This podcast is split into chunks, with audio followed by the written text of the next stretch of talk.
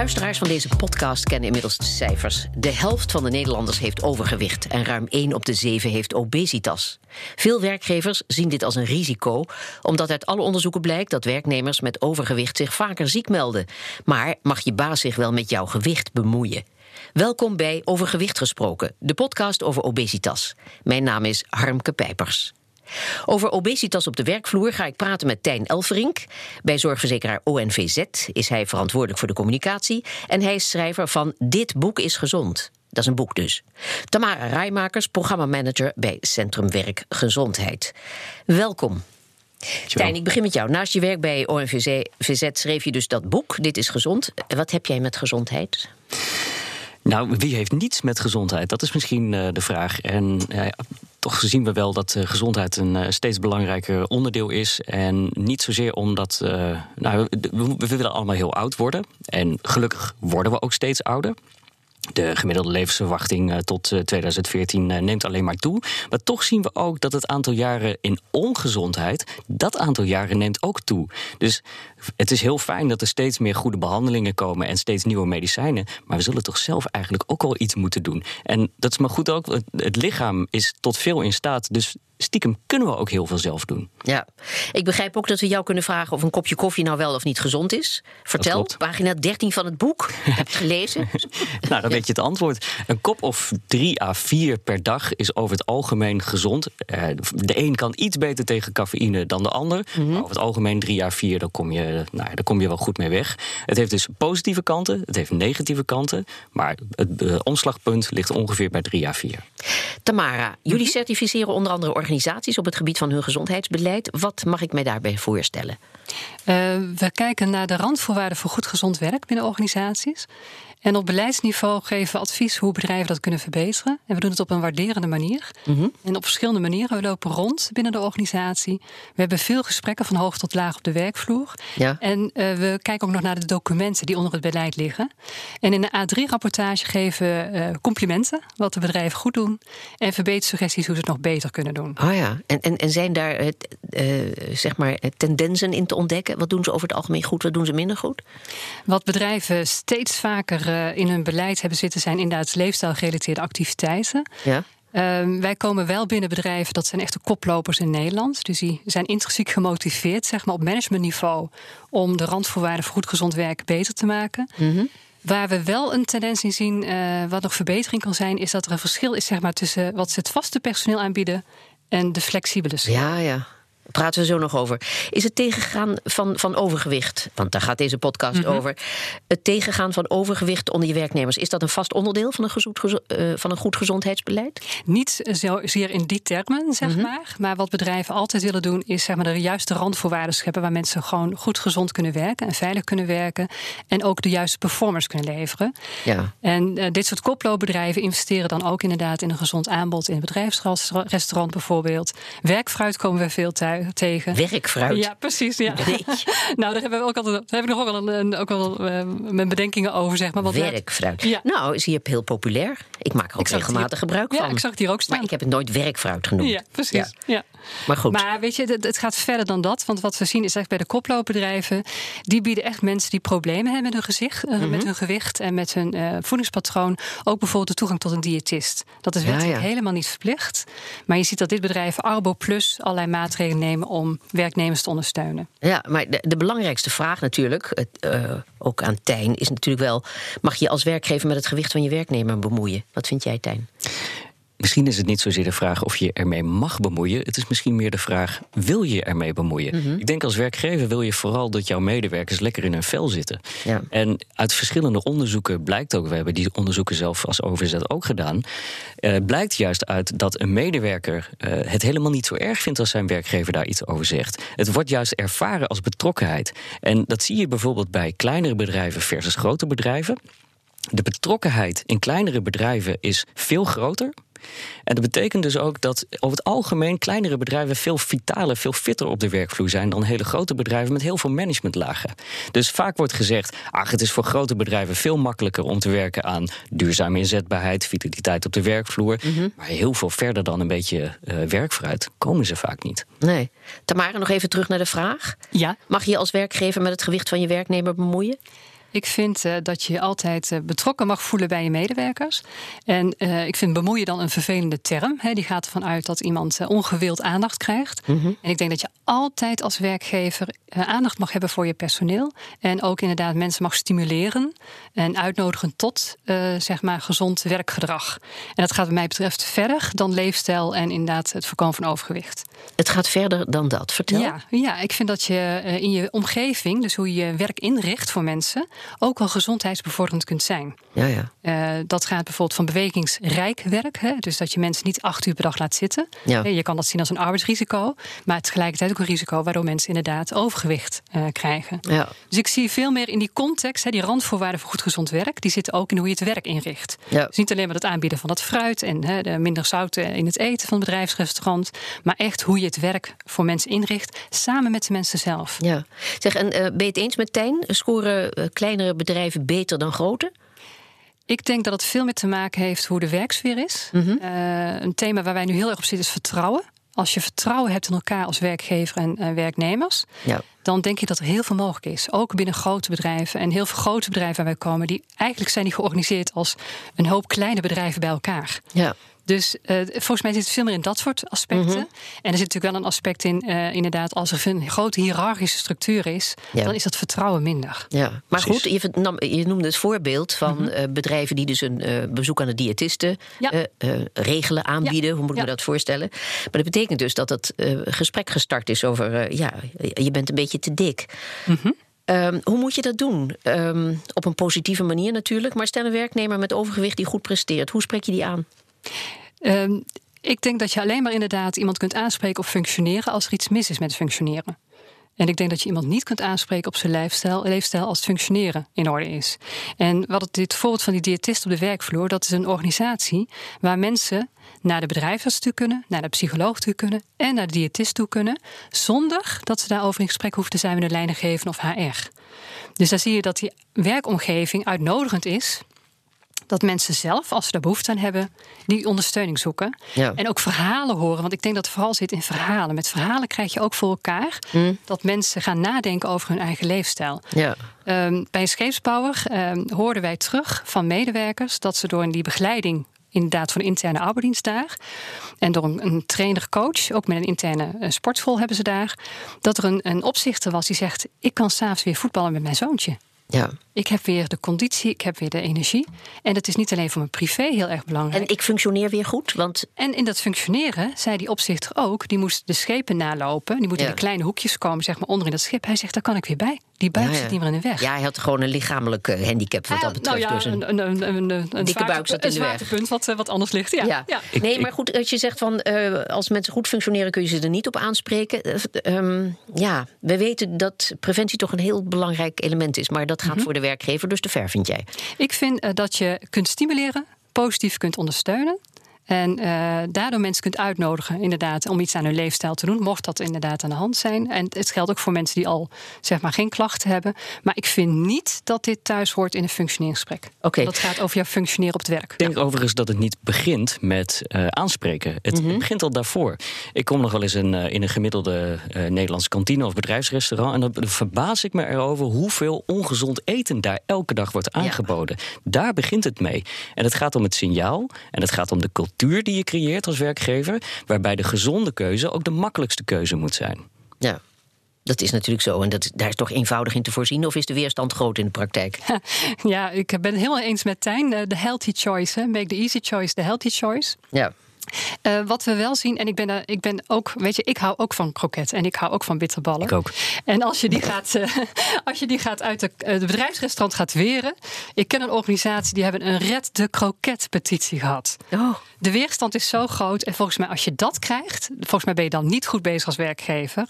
Wat je wel kan doen, is inderdaad, hè, maak het gezonde voeding aantrekkelijker door het anders te prijzen, bijvoorbeeld. Of door het ongezonde voeding, hè, die, die kroketten, om die bijzonder te maken. We oh, werken ja. met Belgische samenwerkspartners. En uh, in België hebben ze de frietjesdag. Dus ja, ja, het hele week is er geen kroket, geen snacks te vinden in het bedrijfsrestaurant. Behalve op één bepaalde dag, vaak vrijdag. Ja, ook wel bekend als vrijdag patatdag. Ja. Uh, dan maak je bijzonder. Het moet ook eigenlijk niet gewoon zijn. Ja, dat klinkt betuttelend, maar het, is natuurlijk niet gewoon als je iedere dag zo'n bal eet. Bovendien begin met kleine stapjes. Bijvoorbeeld één keer per week vleesloze lunch. Ja. En je het mag is mensen... toch een vorm van betuttelen. Ik gebruik dat woord graag. Ik vind namelijk betuttelen moet. Heel veel mensen hebben dat nodig als het op, om gezondheid gaat. Heel veel mensen zijn niet in staat om goede keuzes te maken. Dus ik ben niet zo erg tegen dat betuttelen... waar iedereen dan begint tegen te, ja, te Ja, ik noem het niet betuttelen. Heel veel ja, van ons ik noem het dus gewoon expres. Ja, dat snap ik, snap ik. Maar heel veel van ons gedrag is onbewust. Doe het gewoon maar. Nee, maar heel veel van ons gedrag is onbewust en automatisch. Dus als het voor ons neus staat, nemen we het. Exact. En als je nutjes inbouwt, hè, zeg maar die kleine schouderdeurtjes. Dus inderdaad, nutjes verleidingjes. Ja. Duwtjes. Vernieuwen, ja. Betuttelen of niet.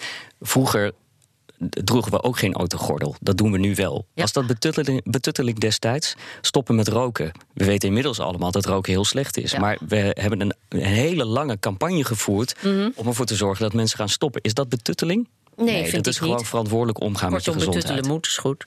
hey, um, ik hou lekker vol. Zeg, uh, wat wel opvalt, hè, is als je googelt op obesitas en werkgever... dan krijg je op de eerste pagina's meteen advies van advocatenkantoren... of je de dikke werknemers mag ontslaan. Ja, mhm. en je, je kunt een werknemer ontslaan als hij te dik is en daardoor veel verzuimt, mits je hem of haar voldoende gelegenheid hebt gegeven om af te vallen. Al dus twee kantonrechters. Ja, die juridische weg, wat vinden jullie daarvan? Is dit een afdoende omschrijving? Is het belang van de werknemer Ik vind het wel grappig wat je zegt over, over googelen. Er is natuurlijk niemand die googelt op uh, een dikke medewerker en hoe kan ik hem behouden. Mm. Daar ligt natuurlijk wel de oplossing van het probleem. Kijk nou niet van uh, hoe kom ik er vanaf, maar wat kan ik zelf doen? En nogmaals, dat begint dus niet met aanspreken. Dat begint al met een cultuur creëren in je eigen organisatie. Waarbij echt niet alles vitaal en alles gezond moet zijn. Maar ja, de hele week, dag in dag uit, kroketten en uh, andere ongezonde snacks. Ja, dan moet je als werkgever toch ook een beetje achter de oren gaan krabben. Voordat je een advocatenkantoor belt. Maar dan nog is dit ook niet waterdicht. Hè? Want uh, als je voldoende gelegenheid gegeven om af te, hebt uh, gegeven om af te vallen. dan zijn mensen die kunnen niet afvallen. Mm -hmm. En dat zijn er veel meer dan we ja, tot voor kort zeker. wisten. Ja, dus dan is dit ook. Sterker nog, dan is het een vorm van discriminatie. Overgewicht leidt tot stress. En stress leidt weer tot overgewicht. ja. ja. Dus het is niet zo makkelijk voor iedereen. Als je eenmaal te zwaar bent, is het heel moeilijk om daar vanaf te komen. Ja. En er wordt tegenwoordig ook wel iets te makkelijk gedaan, inderdaad. Mm Over ja, die is te dik, die, eh, die moet het zelf maar uitzoeken. Mm Zo makkelijk is het niet. Nee. nee. En ik vind ook, hè, uh, het wordt nu heel erg op het individu gespeeld. Ja. Terwijl uh, ik ben bewegingswetenschapper van huis uit. En ik kreeg al les van professor Willem van Mechelen. En die zei al, het is een normale reactie van ons op een abnormale omgeving. Exact. Dus onze omgeving hè, die is bewegingsarm en voedingsrijk. Ja, ja, ja. En wij reageren erop vanuit onze natuurlijke houding, vanuit de evolutie. Zodra er eten is, gaan wij eten. Kortom, voordat je een advocatenkantoor belt, Kijk eens naar die kroket. Zorg voor in hoogte verstelbare bureaus. Zorg voor een deskbike. Zorg dat je gaat lunchwandelen. Kom er zo over. Dat is een hele emmer die je nu leeggooit hier op tafel. Daar gaan we het nog even over hebben. Maar nog eventjes over wat, wat we dan gegoogeld hebben en wat we dan tegenkomen. Ja, zegt dat ook niet iets aan, geeft dat ook niet iets aan hoe werkgevers denken? Want je krijgt dus tips of je ze wel of niet kunt ontslaan... in plaats van tips van wat je voor je werknemers kunt doen. Ik denk je selectie zit op internet. Mensen zoeken altijd het negatieve op internet, omdat mm. ze daar iets mee willen. En wat Tijn ook zegt, het grappige is dat je dan niet vindt van hoe kan ik medewerkers behouden. Ja. Uh, hetzelfde speelt rondom mensen met een chronische aandoening. We hebben ook een programma Fit for Work om werkbehoud bij chronische aandoeningen. Ja. Um, daar is nog veel te winnen, zeg maar. Gewoon mensen aan het werk houden, ondanks dat ze iets hebben. Ja. Er zijn heel veel mensen die iets hebben. Precies. En dat, vaak merk, weet je dat ook helemaal niet, omdat dat niet, niet zo'n hele grote rol speelt. Ja, en niet alles is zichtbaar. En die mensen functioneren uitstekend. Precies, ja. ja. er staat er één voor u. Nou goed, hou je hoofd. Um, maar is het ook een goede business case voor een bedrijf? Hè? Loont het de moeite om overgewicht en obesitas van je personeel terug te dringen? Mensen met obesitas zijn volgens vrijwel alle studies vaker ziek op de werkvloer, dat wel. Ik denk niet dat je moet kijken naar een business case. Een medewerker is geen business case. Mhm. Je moet kijken naar. Nee, een business case voor het bedrijf. Een business case, ja. Het betekent dat je. Nou, je het kan toch geen kwaad om de zaak ook een beetje um, uh, uh, financieel te bekijken? Integendeel, of is dat een, ik denk dat taboe? dat uiteindelijk ook wel de. Ik bedoel, ik, ik ben de grootste pleiter, bepleiter van preventie. En uh, de rekensom van preventie die wordt vaak niet gemaakt. Dat vergt alleen een langere termijnvisie. Maar die is wel degelijk volgens mij heel gunstig. Er valt heel veel te behalen als je mensen goed begeleidt. Absoluut. Nou, jij weer. ik denk alleen niet dat dat meteen de insteek moet zijn. Mm -hmm. Ik denk dat, dat als je het, uh, het aanvliegt vanuit betrokkenheid, dat je zorgen maakt om uh, iemand of hij of zij wel goed in, uh, in zijn vel zit. En dat je daarna pas gaat kijken, is het een sluitende business case? Nee, begin, begin echt met, ik maak me zorgen. En dat is nogmaals waarom kleinere bedrijven over het algemeen daar iets makkelijker mee omgaan en daar beter in, uh, in presteren dan grote bedrijven. Ja. Want die MKB-ondernemer, die, die maakt zich echt zorgen om die medewerker. Ja, die is veel kwetsbaarder. Exact. Ja. Tamara? Ja, ik, wij hebben bij een, een audit-traject uh, wat we doen vanuit IAMQ, dat is Integrated Health Management and Quality. Mm -hmm. hebben een, Zeg, wil je dat nog eens langzaam sorry, herhalen? Ja, inderdaad, IAMQ. Wij hebben vanuit IAMQ, waar we, dat is Integrated Health Management and Quality, waar we echt kijken oh, ja. naar hoe gezondheid in de bedrijfsvoering verankerd is. Mm -hmm. We hebben bij een grote zorgverzekeraar, een collega van Overzet, hebben we gekeken van, viel ons op van um, heel goed gezondheidsbeleid, maar de flexibele schil bleef buiten boord ja. bij dat gezondheidsbeleid. Overigens hoeft een bedrijf dat wettelijk niet te doen. Dus het was he, nog steeds een goed bedrijf. Nee, maar die flexibele ziel, ziel uh, flexibele ziel ook nog. Die flexibele ja, schil. Ja, precies, die flexibele Die moet het allemaal maar zelf uitzoeken. Precies. En die hadden dus geen toegang tot die gezondheidsdiensten ja. op de werkvloer. Hè, die diëtist, die psycholoog. En toen hebben we dat advies aan hen teruggekoppeld van nou, het valt ons op dat. En dit is een financiële instelling en die hebben dat KPMG laten uitrekenen. Mm -hmm. En iedere euro die zij investeren in de gezondheid van de flexibele schil, wat ze wettelijk gezien niet hoeven, levert hun 1,80 euro op. Ja. En toch, hè, het is niet het eerste waar ze meest vanuit starten. Maar nee. voor de raad van bestuur en de aandeelhouders is dit toch wel iets wat dan overtuigend is. Ik wou maar zeggen, ook in deze discussie zijn cijfers heel fijn. Ja, maar andere cijfers zijn er ook. Het RIVM heeft een aantal jaar geleden becijferd dat de verzuimkosten door overgewicht 2,5 miljard euro per jaar bedragen. Is toch een uh, behoorlijk uh, sommetje. Tijn kijkt kritisch. Ja, ik, ik, ik, denk dat het in die zin niets nieuws is. We, we, zijn elkaar aan het overtuigen. Ja, en ik, en ik zou het inderdaad, ik ben het heel erg met Hark mee eens. Ik zou het heel erg leuk vinden om te kijken. Laten we eens een impact graphic maken wat investeren oplevert. Ja, ja, en we hebben dat nu laatst gedaan voor investeren in werkbehoud voor mensen met chronische aandoening. Die cijfers zijn enorm. Mm. En alleen er is weinig, het is weinig sexy. Hè? Slecht ja. nieuws verkoopt beter. Ja. Maar uh, hebben we wel capabele managers die goed een gesprek met hun medewerkers kunnen voeren? Of moeten die dat ook per bedrijf verschilt worden? Ja? Nou, wij uh, als overzet organiseren wij bijvoorbeeld het vitaalste bedrijf van Nederland om wel aandacht te vragen, breed op de werkvloer, voor het belang van uh, vitaliteit. En ja, ook Financiën spelen daarbij een rol, natuurlijk. Ja. Want uiteindelijk is het wel zo, er zijn een paar onderzoeken, en we zijn het nu echt aan het onderzoeken, uh, die, die uitwijzen dat vitalere bedrijven uiteindelijk beter presteren. Ja. ONVZ, daar werk jij dus, de zorgverzekeraar. Ja, uh, moet je dan voor je werkne uh, werknemers roomser zijn dan de paus? Practice nou, what you preach. Practice what you preach geldt natuurlijk wel. Het zou heel ja. raar zijn als wij uh, kroketten uh, in de ja. middag hebben. Nou, die hebben we nou gehad, die kroketten en de ballen. Maar we hadden het over de maatregelen in het bedrijf. De, die, de, de opsomming was je al aan begonnen. Dash, deskbikes hoor ja, ik. deskbike. Ik was de eerste met een deskbike. En ja, in, in het begin en was lachen, ik echt... joh. Nou, ik was een soort attractie. Mensen ja, kwamen echt uh, uit de hoeken en gaten van de organisatie kijken. idioot gezicht. Ja, maar het went. Ja, ja, heel veel dingen zijn in het begin een beetje gek. En dan moeten mensen aan wennen. Ik moest er ook ja. aan wennen. Dat mensen naar me kijken dat ik op zo'n ding zit. En tegenwoordig is het volstrekt normaal. Ja, en, maar je hebt het niet opgegeven. Want je werd natuurlijk de eerste dagen ontzettend toegelachen. En uh, je moest je hoofd erbij houden. Inmiddels Ging je weet... kijken, wat deed je daarbij? Nee, ik ging uh, zeker niet zagrijnig kijken. Ja. Ik vind als iemand interesse heeft, uh, of hij er nou een beetje om lacht of niet, ja. dat betekent in ieder geval dat het opvalt en dat het iets in beweging zet. Ja, fitnessruimtes ook, hè? Ja. Verstelbare bureaus. Ja. Ja. We hebben hier Alleen, ook een, een verstelbare desk. Verstelbaar bureau is, is heel goed, een belangrijke stap. Maar staan is niet voldoende. Het gaat om de beweging. Ja. En dat zorgt ervoor ook dat je productiever kunt werken. Want er zit een soort startmotortje in je hersenen. En die startmotor gaat aan zodra je gaat bewegen. Ja, zeker. Um, maar Tamara, heel veel mensen hebben een zittend beroep. Hè? Zitten mm-hmm. is het nieuwe roken, wordt dan ook gezegd. Is dat mm-hmm. zo? Of vinden jullie dat, uh, of vind jij, vind je dat overdreven, die vergelijking? Ik vind dat als je als werkgever wel kunt kijken, hoe kun je nou inderdaad mensen bewegingsrijke werk aanbieden? Uh, om nog een voorbeeld te geven van uh, kraanmachinisten in een grote loods bij een scheepsbouwer weer. Er zitten operators de hele dag boven in een cabine. In ja, in zo'n heel loods. klein kabinetje, zo'n heel klein hokje. Ja alleen en, nou. en daarbovenin. Die komen even tussenmiddag naar beneden via zo'n heel smal laddertje. Ja. En uh, wij deden daar ook een audit voor IAMQ, voor het Integrated Health Management and Quality. En wij zagen dat. Een audit, deed je? Een audit, Wat ja. houdt het in? Vertel. Oh, sorry. Uh, we gaan dan kijken op uh, de werkvloer hoe het daar is met goed gezond werk. Ja. we spreken medewerkers van hoog tot laag. Van hoe is het werken hier? En ja. wat zie je voor mogelijkheden om het nog beter te maken? En we kijken ook in de documenten, dus ook in het beleidsniveau. Mm -hmm. Hoe zit het verankerd in de bedrijfsvoering? Ja. En bij deze scheepsbouw zagen we dat hè, die operators de hele dag in die kranen erbovenin zitten. Toen zijn we in gesprek gegaan met die health manager van... Kunnen we ik heb wel eens gedacht, dan komen ze er helemaal stram uit... en dan moeten ze het trapje af en dan duwen ze naar beneden. Ja, Ik geloof nou niet dat veel gebeurt, maar daar nou maak ik me wel eens zorgen om. Zeker. En uh, dat bedrijf maakt zich daar ook zorgen over... omdat die mannen werden, het zijn vooral mannen, die werden ook steeds zwaarder. Ja. En wat ze nu gedaan hebben, is gekeken van kunnen we die functie anders indelen? Dat iemand niet meer de acht uur per dag zit mhm. bovenin, maar ook op de werkvloer staand en lopend werk doet.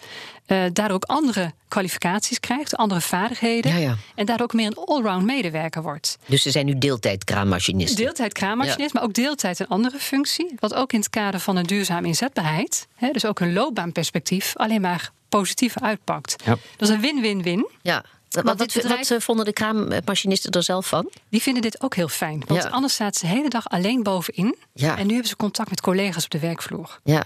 Dus en, zaten ze ook veel te eten daarboven? Nee, dat kan me nou zo voor. Oh, dat mag niet.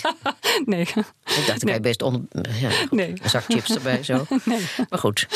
Ja, dus voorlichting geef je, Tamara. En Marjan, gebruik jij ook het voorbeeld, uh, begreep ik, van een appel en een plakje cake?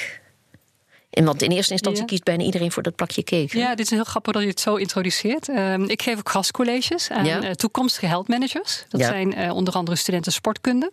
Mm En uh, waar laat ik een filmpje zien over nudging. Hoe hè, een klein verschil een groot effect kan hebben. Verleiding. Verleiding. En ik laat een filmpje zien van congresbezoekers. Mm nou, iedereen kent wel dat je naar een congres toe gaat. En heb je in de pauze heb je van die enorme lekkere plakken cake. Ja. En er ligt dan een schaal appels naast. Nou ja, iedereen pakt toch een plakje cake, want je bent aan het kletsen en dat gaat makkelijk. Ja, wat moet je dan met die appel? Die kan je in je zak houden voor straks. En in het experiment hebben ze dan uh, de cake in stukjes gehakt ja. en de appels in partjes. Met ja. bordjes ernaast. En wat zie je gebeuren? Mensen nemen plakjes appel en een stukje cake.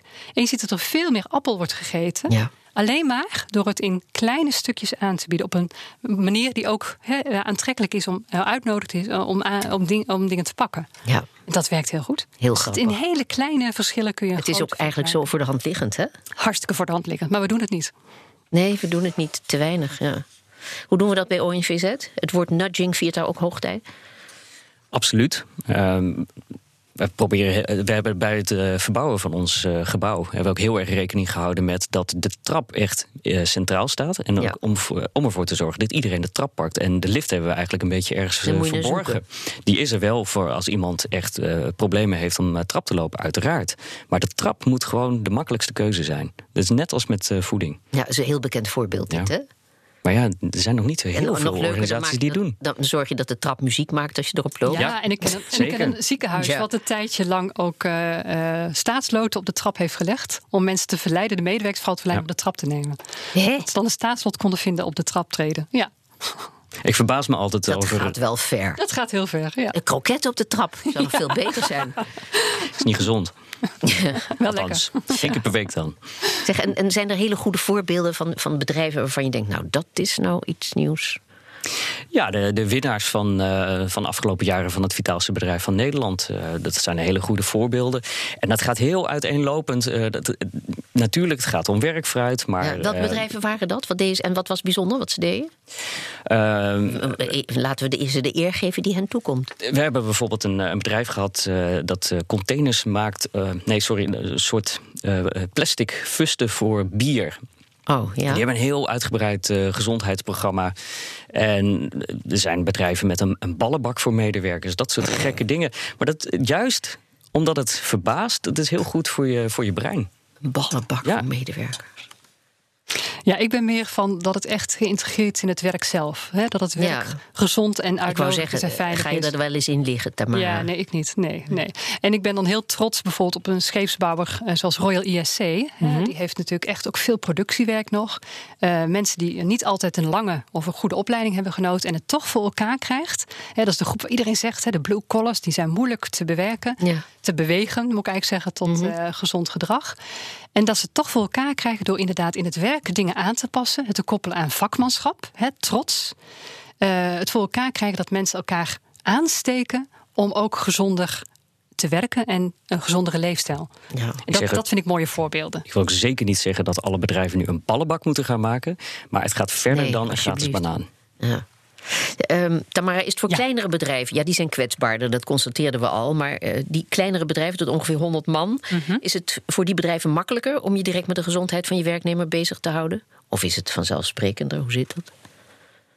Ik vind het, uh, het hangt er heel erg van af, zeg maar, uh, wat de sfeer is in een bedrijf. Ja. Ik ken kleine organisaties, ook in het buitenland. Wij kijken ook graag naar bedrijven in het buitenland, mm -hmm. die dit heel goed doen. Er was een busondernemer in Noord-Italië, 50 man, en die gaf iedereen een vitaliteitsbudget van 1000 euro. En dan mochten ze mee doen wat ze wilden. Ze mochten, wat hem betreft, ook een cursus Spaans doen of dansen. Maar het ging erom dat mensen het idee hadden: dit is een werkgever die voor mij zorg, die aandacht voor mij heeft en mij stimuleert in mijn ontwikkeling.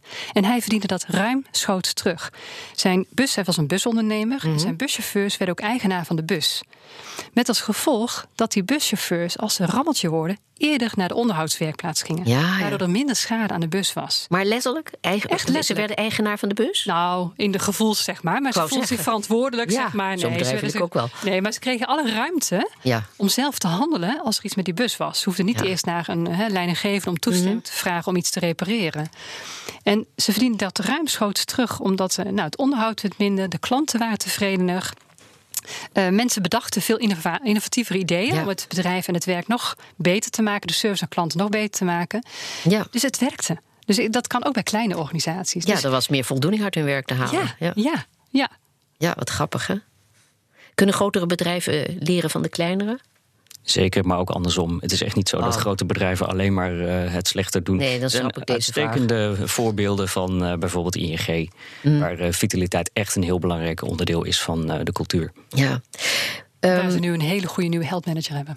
Oh ja, dat weet jij Zo is het. Ja. Fijn. Uh, wat is de taak van de zorgverzekeraar als het gaat om gezonde bedrijven? Want uh, je vraagt je af in ons huidige zorgstelsel. Is het dan wel aantrekkelijk voor een zorgverzekeraar om je juist op preventie te richten als het gaat om die te dikke werknemer?